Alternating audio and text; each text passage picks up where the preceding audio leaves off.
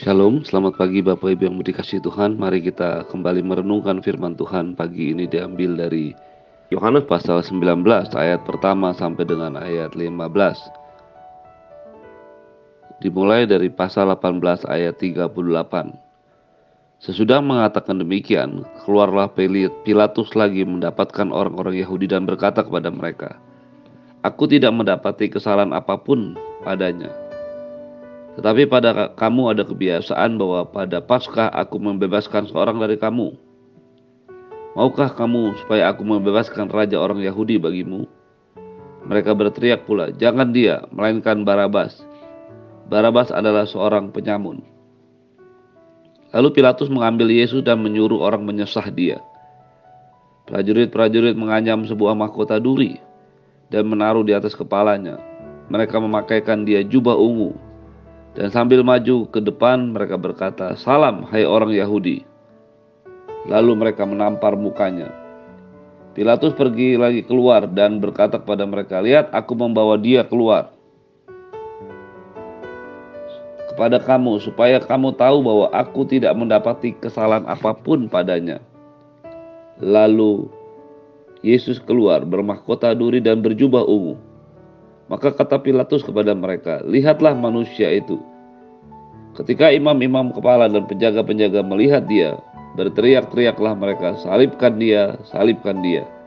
Kata Pilatus kepada mereka, "Ambil dia dan salibkan dia, sebab aku tidak mendapati kesalahan apa pun padanya."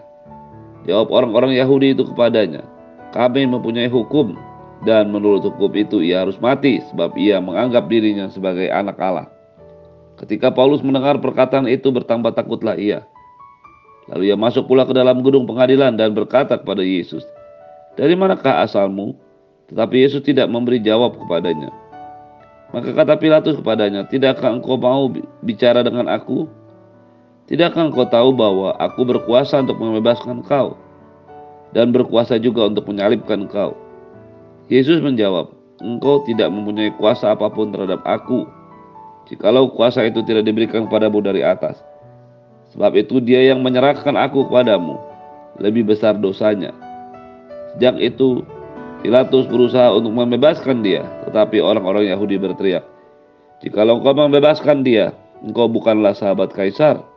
Setiap orang yang menganggap dirinya sebagai raja, ia melawan Kaisar.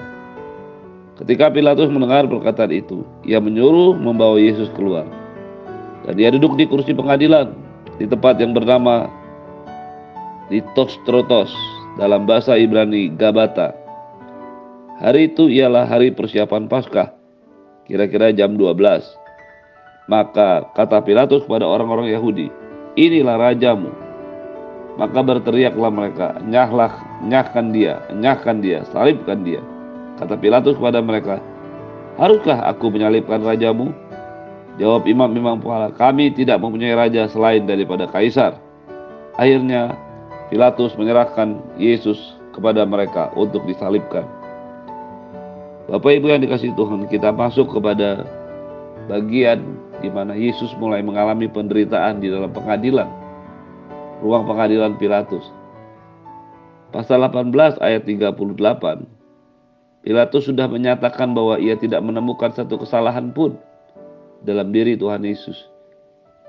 Satu kesalahan yang membuat dia layak untuk diadili atau bahkan dihukum. Dia tidak mendapati satu pun kesalahan itu dan itu diakuinya. Aku tidak mendapati kesalahan apa pun. Tetapi karena teriakan orang-orang Yahudi, teriakan orang-orang yang ada yang berkumpul di luar pengadilan, maka Pilatus mencoba untuk menawarkan satu jalan untuk melepaskan Yesus. Dia mengatakan, "Padamu ada kebiasaan untuk aku membebaskan orang pada hari Paskah." Mereka berteriak pula. Orang-orang mendengarkan pertanyaan atau usulan daripada Pilatus ini berteriak, "Jangan dia, melainkan Barabas." Barabas adalah seorang penyamun. Bapak Ibu yang dikasih Tuhan, hal yang pertama yang kita bisa renungkan pagi hari ini adalah Yesus tidak bersalah dalam satu hal pun, dalam satu pekerjaan pun. Pilatus tidak menemukan kesalahan dia. Dia mau membebaskan Yesus, bahkan mencoba mencari cara untuk membebaskan Yesus. Dengan memegang kebiasaan mereka pada waktu Paskah untuk membebaskan seorang tahanan. Tetapi kita melihat satu hal yang sangat menyedihkan dan mengherankan. Ketika Pilatus menawarkan diri untuk membebaskan Yesus karena dia merasa orang ini Yesus tidak bersalah. Apa yang didengarnya tentu saja mengagetkan karena orang-orang Yahudi menghendaki Pilatus membebaskan Barabas. Alkitab dengan jelas menuliskan siapakah Barabas ini. Dia adalah seorang penyamun, perampok. Bapak Ibu yang dikasih Tuhan, renungkanlah, perhatikanlah keadaan yang terjadi dengan orang-orang Yahudi pada waktu itu. Mereka selalu menyebut diri mereka beragama. Mereka selalu menyebut diri mereka mengenal Allah. Mereka selalu menyebut diri mereka sebagai orang-orang yang beriman kepada Allah. Tetapi lihat apa yang menjadi buah tindakan nyata dalam hidup sehari-hari. Ketika Pilatus mencoba menawarkan pembebasan bagi Tuhan Yesus, mereka menolaknya. Bahkan mereka meminta Pilatus untuk membebaskan Barabas yang adalah seorang penjamun. Di manakah keadilannya? Di manakah nalar rohaninya? Di manakah perasaan rohaninya? Seorang yang tidak bersalah tidak mau dibebaskan. Justru seorang perompak yang mereka minta untuk dibebaskan. Kita tidak tahu persis mengapa mereka menginginkan Barabas untuk dibebaskan. Tapi satu hal yang pasti, kalaupun Barabas adalah seorang perampok, Barabas tidak pernah mengganggu semua yang menjadi pekerjaan mereka, yaitu para ahli Taurat dan imam-imam kepala. Kalaupun dia merampok, tapi Barabas tidak pernah merusak kewibawaan mereka di mata masyarakat, di mata orang-orang banyak, di mata orang-orang Yahudi. Jadi dasar mereka meminta membebaskan Barabas dan bukan Yesus. Kembali lagi, hanyalah berdasarkan keinginan hati yang memiliki motivasi yang berbeda. Mereka tahu bahwa Yesus selama dalam pelayanannya sangatlah mengganggu mereka, sangatlah membuat kebijak kebijakan yang mereka tanamkan kepada masyarakat, kepada orang Yahudi menjadi sesuatu yang tidak berguna. Yesuslah yang menggerogoti kekuasaan mereka. Mereka menganggap Yesus adalah orang yang melawan kekuasaan mereka. Mereka tidak mau orang-orang Yahudi, orang-orang Farisi ini, imam memang tidak mau kedudukan mereka secara agamawi terganggu oleh karena kehadiran Yesus dan murid-muridnya. Kedati Yesus tidak melakukan satu pelanggaran atau kesalahan, mereka tetap menganggap Yesus layak untuk dihukum mati lebih daripada Barabas. Ini tentu saja menyedihkan. Ketika kegiatan agama, ketika apa yang dianggap mereka sebagai sebuah pekerjaan atau pelayanan kepada Tuhan, hanya berdasarkan keinginan diri dan motivasi yang salah, maka mereka tidak akan mampu melihat satu kebenaran rohani yang ada di dalamnya, satu keadilan. Bagaimana mungkin orang-orang yang berkata benar, yang berkata mengikuti Tuhan, yang berkata mereka taat kepada Tuhan, bisa memilih seorang penyamun untuk dibebaskan daripada seorang yang memang tidak diketemukan kesalahannya. Yesus dianggap jadi pengganggu buat keuntungan pribadi yang mereka dapatkan dalam pekerjaan pelayanan. Orang-orang seperti inilah orang-orang yang mempunyai motivasi yang berbeda pada saat melayani. Orang-orang yang melakukan semua pekerjaannya hanya untuk dirinya sendiri. Mereka tidak lagi berpikir tentang kebenaran. Mereka tidak pernah lagi berpikir tentang keadilan. Mereka tidak lagi berpikir tentang takut akan Tuhan dengan setiap keputusan yang mereka buat. Mereka hanya berpikir tentang diri mereka, keuntungan mereka, kekuasaan mereka. Dan gambaran ini terus akan berlangsung terus akan berlanjut. Pada setiap zaman ada orang-orang yang pasti mencoba mencari keuntungan untuk diri sendiri. Berlaku seperti orang-orang yang beragama. Berlaku seperti orang-orang yang mengenal Tuhan, tetapi lihatlah apa yang mereka katakan. Lihatlah bagaimana tindakan mereka memilih seorang yang sudah terbukti kedapatan bersalah, seorang penyamun, lebih daripada seorang yang tidak pernah ditemukan kesalahannya, yaitu Yesus sebagai manusia. Dalam keadaan Yesus yang tidak diketemukan bersalah, Pilatus mengambil Yesus dan menyuruh orang menyusah dia. Hal ini menunjukkan sesahan atau cambukan yang dialami oleh Tuhan Yesus bukanlah berasal dari kesalahannya sendiri.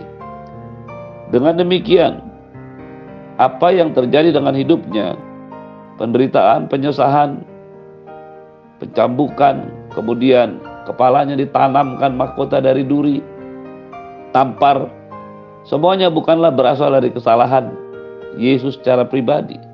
Yesus memberikan dirinya, memberikan punggungnya untuk disesah, untuk dicambuk, karena dia mau mengenapi firman Tuhan. Yesaya sudah menulis bahwa dia tertikam oleh karena pemberontakan kita. Dia diremukkan oleh karena kejahatan kita. Ganjaran yang mendatangkan keselamatan bagi kita ditimpakan kepadanya dan oleh bilur-bilurnya kita menjadi sembuh. Yesaya 53 ayat 5. Aku memberi punggungku kepada orang-orang yang memukul aku dan pipiku kepada orang-orang yang mencabut janggutku.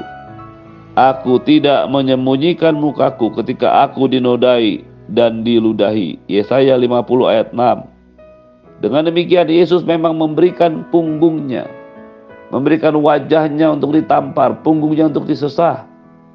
Bukan karena kesalahannya. Sekali lagi ia tidak ditemukan bersalah. Tetapi dia lakukan semua itu, memberikan muka, memberikan punggung untuk disesah. Memberikan kepala untuk ditancapkan mahkota duri. Bukan karena kesalahannya, tapi karena dia mau menggenapi firman Tuhan. Dia mau mengasihi Anda dan saya. Dia memberikan dirinya memberikan punggungnya sehingga terjadi bilur-bilur dan bilur-bilur itulah yang menyembuhkan.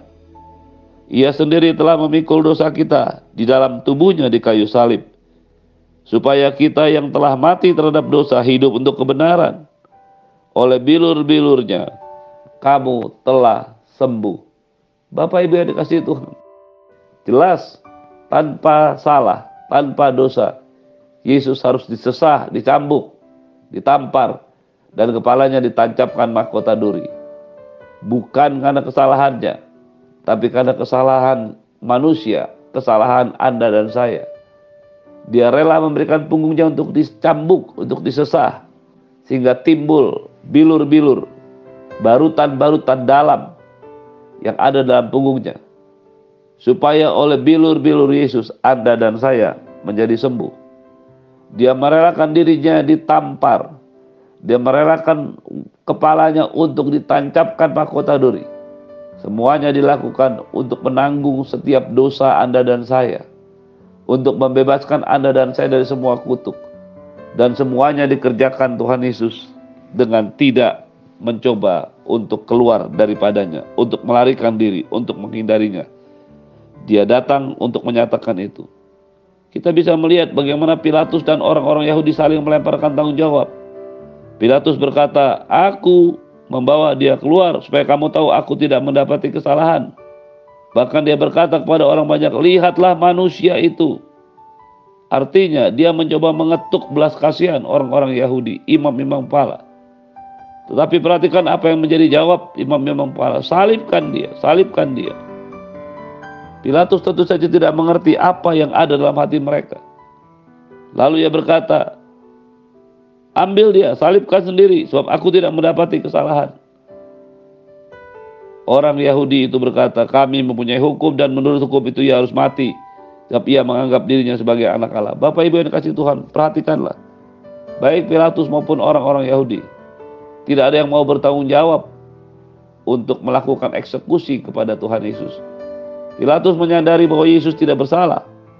Orang-orang Yahudi tahu Yesus tidak bersalah, tapi dia ingin membunuhnya. Kedua belah pihak ini saling melemparkan tanggung jawab untuk membunuh Yesus. Pada akhirnya Pilatus berkata, ambil salibkanlah dia. Dan itu disetujui oleh orang-orang Yahudi. Ketika Pilatus mendapatkan Yesus dan berkata, "Mengapa kamu diam dan tidak menjawab pertanyaanku? Engkau tahu aku berkuasa untuk membebaskan atau menyalibkan engkau." Dengan tegas Yesus berkata, "Engkau tidak punya kuasa apa pun terhadap aku jika kuasa itu tidak diberikannya kepadamu dari atas." Kematian Yesus, penyalipan Yesus, penderitaan Yesus bukanlah karena kehebatan Paulus atau ketidakmampuan Yesus untuk melemah, melarikan diri dan menghindarkan diri. Tapi semuanya adalah otoritas ilahi yang memerlukan ketaatan manusia, manusia yang ada dalam diri Tuhan Yesus. Yesus melakukan semua itu karena dia tahu untuk itu dia datang. Yesus melakukan semua itu karena dia mengasihi Anda dan saya. Terimalah berkat yang berlimpah-limpah dari Bapa di surga, cinta kasih dari Tuhan Yesus, penyertaan yang sempurna, dari Roh Kudus menyertai hidupmu hari ini dan sampai selama-lamanya. Dalam nama Tuhan Yesus semua yang percaya katakan amin. Shalom, selamat pagi, selamat beraktivitas, Tuhan memberkati.